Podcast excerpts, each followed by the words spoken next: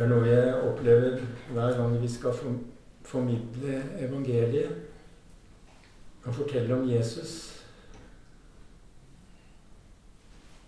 Så er det så stort at det er noe vi ikke klarer, ikke kan. Evangeliet og fortellingen om Jesus, det, det er for høyt. Det er for dypt. Og det er for skjult. Og likevel så må vi forsøke å formidle en flik av det som har berørt oss så dypt. Ja, det som har gitt oss en ny og utvida identitet. Og vi vet at evangeliet er for alle mennesker. Alle som søker en vei, leiter etter en sannhet og spør etter et liv. svarer Jesus 'Jeg er veien, sannheten og livet'. Jeg har lest om eh, Selma Lagerlöf. Hun levde fra 1858 til 1940. Hun fikk Nobelprisen i litteratur i 1909. Og det er nok noen av dere som har lest et eller annet av Selma Lagerlöf.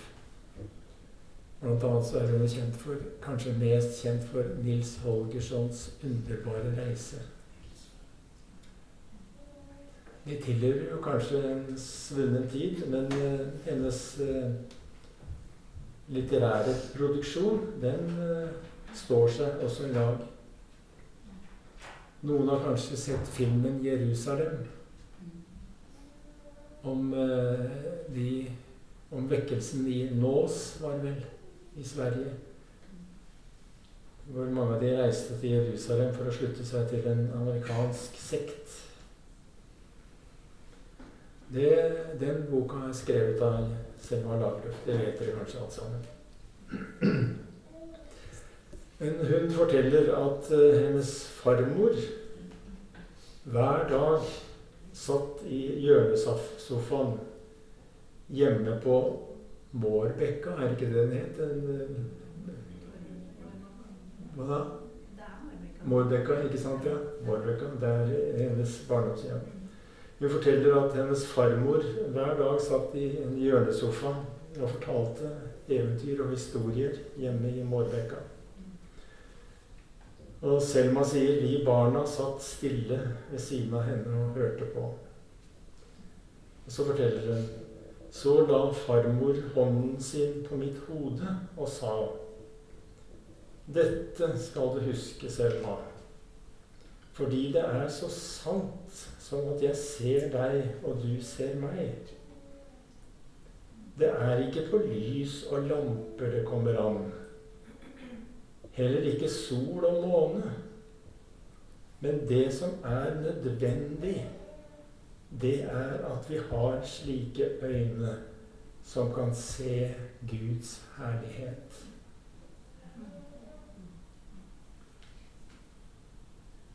Ja, det var godt å få med seg det som et lite barn. En orientering i livet. Og hun skriver at alle mennesker i alle generasjoner, i generasjon etter generasjon, behøver å bli minnet om hvor viktig det er å ha, ha øyne som ikke bare ser ytre ting, og som ikke bare ser all elendighet, men øyne som kan ane kan ane den ubeskrivelige skjønnheten i universet.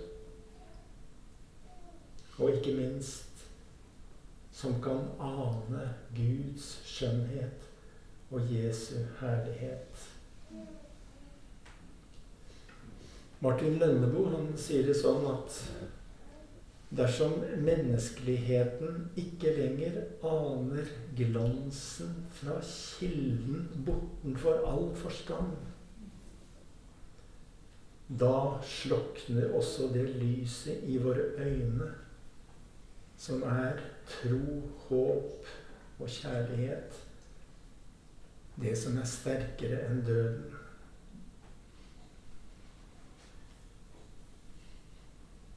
Gud vil vise oss dette lyset. Englene ser dette lyset alltid. Og det står om serafen, som dere har lest i Jesaja 6.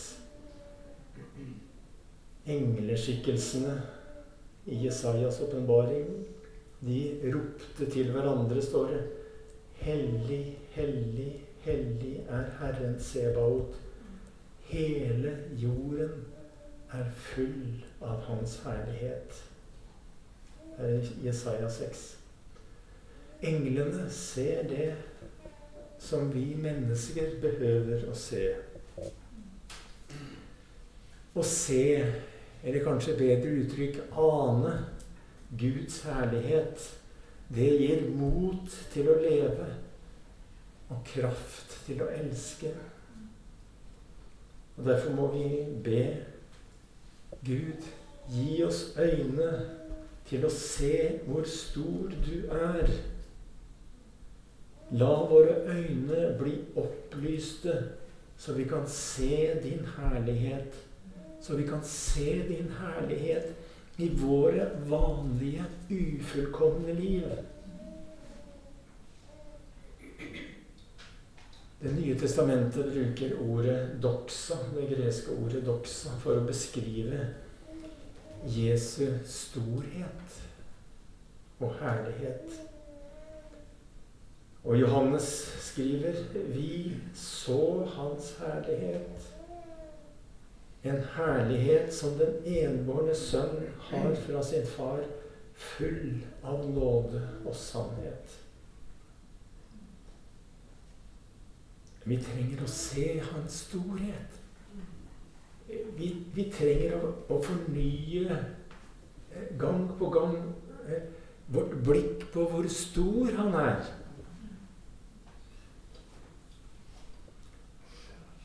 Hebreerbrevet sier det sånn Han, altså Jesus, han er utstrålingen av Guds herlighet og bildet av hans vesen. Og naturligvis er det sånn at i vårt daglige liv så mister vi ofte hans storhet av syne. Det er som det legger seg et støvlag over våre øyne og et slør over hans herlighet. Kanskje blir hans storhet og herlighet av og til bare som et bleikt bilde i vårt indre. Eller som et monument som allerede står der, men som offentligheten ikke ennå kan se, fordi er dekka til. Det fins nemlig en evig og uforanderlig herlighet og storhet som er skjult for de vise og forstandige, men åpenbart for de umyndige. Eller som det står i The Message Som han har skjult for de som har skjønt det, og vist det for nybegynnere.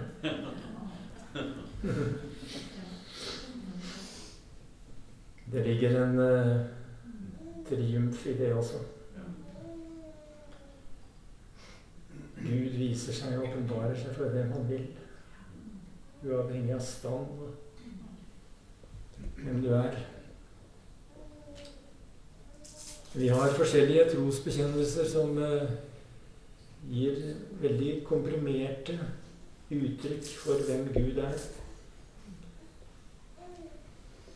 De fleste av oss har sikkert lest den nikenske trosbekjennelse. Den er mye lengre enn den apostoliske som vi pleier å bruke.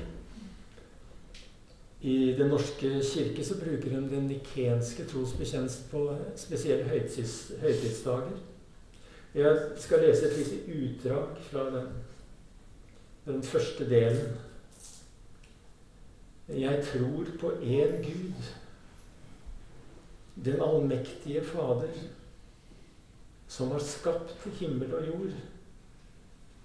Alle synlige og usynlige ting. Jeg tror på én Herre, Jesus Kristus, Guds enbårne sønn, født av Faderen fra evighet. Ved ham er alt blitt skapt. For oss mennesker og for vår frelses skyld steg han ned fra himmelen.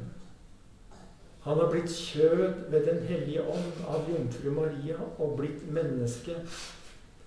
Han ble korsfestet for oss, pint under Pontius Pilatus og gravlagt. Han oppsto den tredje dag etter Skriften for opp til himmelen og sitter ved Faderens høyre hånd. Han skal komme igjen med herlighet og dømme levende og døde. Og på hans rike skal det ikke være ende. Det ligger en triumf i det her. Og vi må fortelle om den triumfen. Vi må fortelle om den storslagne seier som Jesus vant over døden, over graven.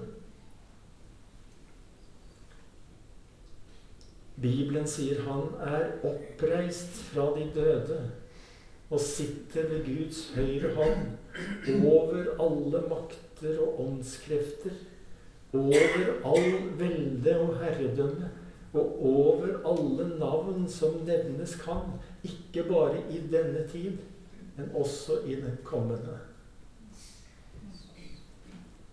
Vi leser her om en seier og om en triumf som verden må få vite om. Og i denne seier, i denne herlighet, i denne storhet har Gud gitt menneskene en plass. Og før den dramatiske påskeuka så hadde Jesus inngående samtaler med sine disipler om dette. Hvor han bl.a. sier 'Jeg vil gjøre i stand et sted for dere'. Og når jeg har gått bort og gjort i stand et sted for dere, så vil jeg komme tilbake fra døden, i parentes, og ta dere til meg, så dere skal være der jeg er.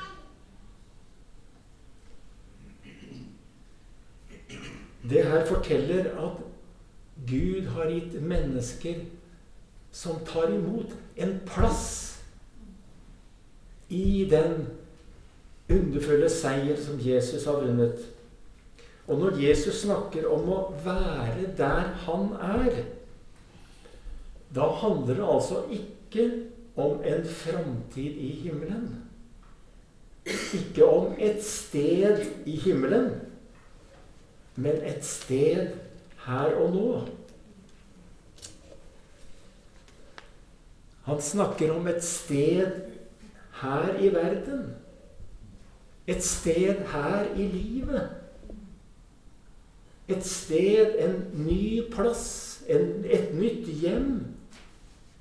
Der mennesker kan leve som Guds barn.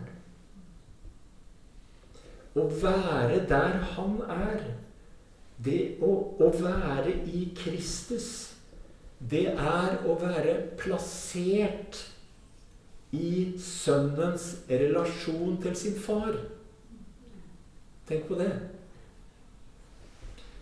Hvis den Bibelen her kan symbolisere Sønnen, og det arket her kan symbolisere oss, så har Gud satt oss inn i Han. Han har gitt oss en ny plass. Han har plassert oss i sin sønns herlighet, i, sin, i hans sønns seier. og hans evige herlighet. Å være plassert i Kristus er, er på en måte en nøkkel.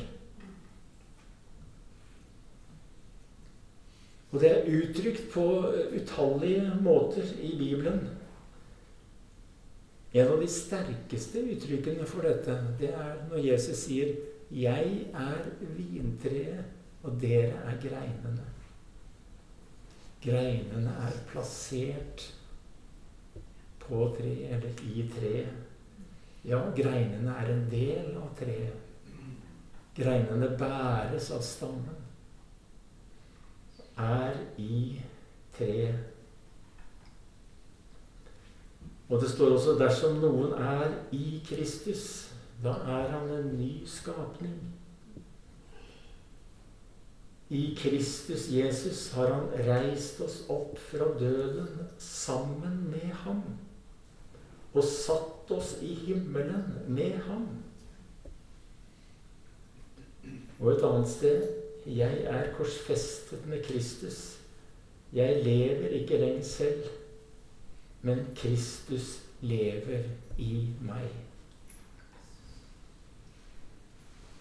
Dette her er jo stort og ufattelig. Men poenget er at det fins en ny plass i verden. Et nytt sted, et nytt hjem, der mennesker kan leve som Guds barn. Der mennesker, mennesker kan være kjent av Ham og kjenne Ham. Og denne plasseringen, den skjer jo da i og med troen og dåpen. Og vi skal vite, vi som sitter her i dag, at vi er dratt inn i noe stort. At vi er plassert i noe som er varer evig. Som aldri kan forvitre eller forgå. Vi er satt i himmelen med Han. Og Gud må gi oss øyne så vi mer og mer kan ane og se hvor stort det er, og hvor stor Hans herlighet er, som har kalt oss til å være ett med Han. Det var et uttrykk i den politiske debatten på 60-tallet som Nå er det jo ikke mange igjen som husker det. Noen er jo faktisk her, og Husker den intense politiske debatten på eh, ja, rundt 68. da. Eh, og det var et uttrykk, kanskje noen kjenner det igjen, i den politiske debatten. Det var ofte spurt, Man spurte ofte hvor, hvor snakker du fra? Kjenner dere, Har dere hørt det uttrykket? Hvor snakker du fra? Kan hende det brukes en dag i dag, jeg vet ikke. Men eh, det betydde jo at det, det Altså, snakker, det er litt forskjell hvis du snakker fra, fra Blindern eller fra Aker Mekaniske Verksted. Skjønner du? Og i den debatten som var da på 68-tallet, så hadde du større autoritet hvis du snakka fra Aker enn fra Blindern. Så det var et, Noe av dere kjenner kanskje uttrykket 'Hvor snakker du fra?' Ja, snakker du fra Ullern eller fra Tåsen? Det kan være litt forskjell på erfaringsbakgrunn, ikke sant? Nei. Men nå vil jeg bare avslutte med, da så Hvor snakker du fra? Ja, tenk på det, du. Hvor du er satt, hvor du er plassert, hvor du snakker fra. Og ikke minst, hvor ber du fra? ber du fra det stedet der Gud har plassert deg i Kristus Jesus. Be med frimodighet fra det stedet der Gud har satt deg.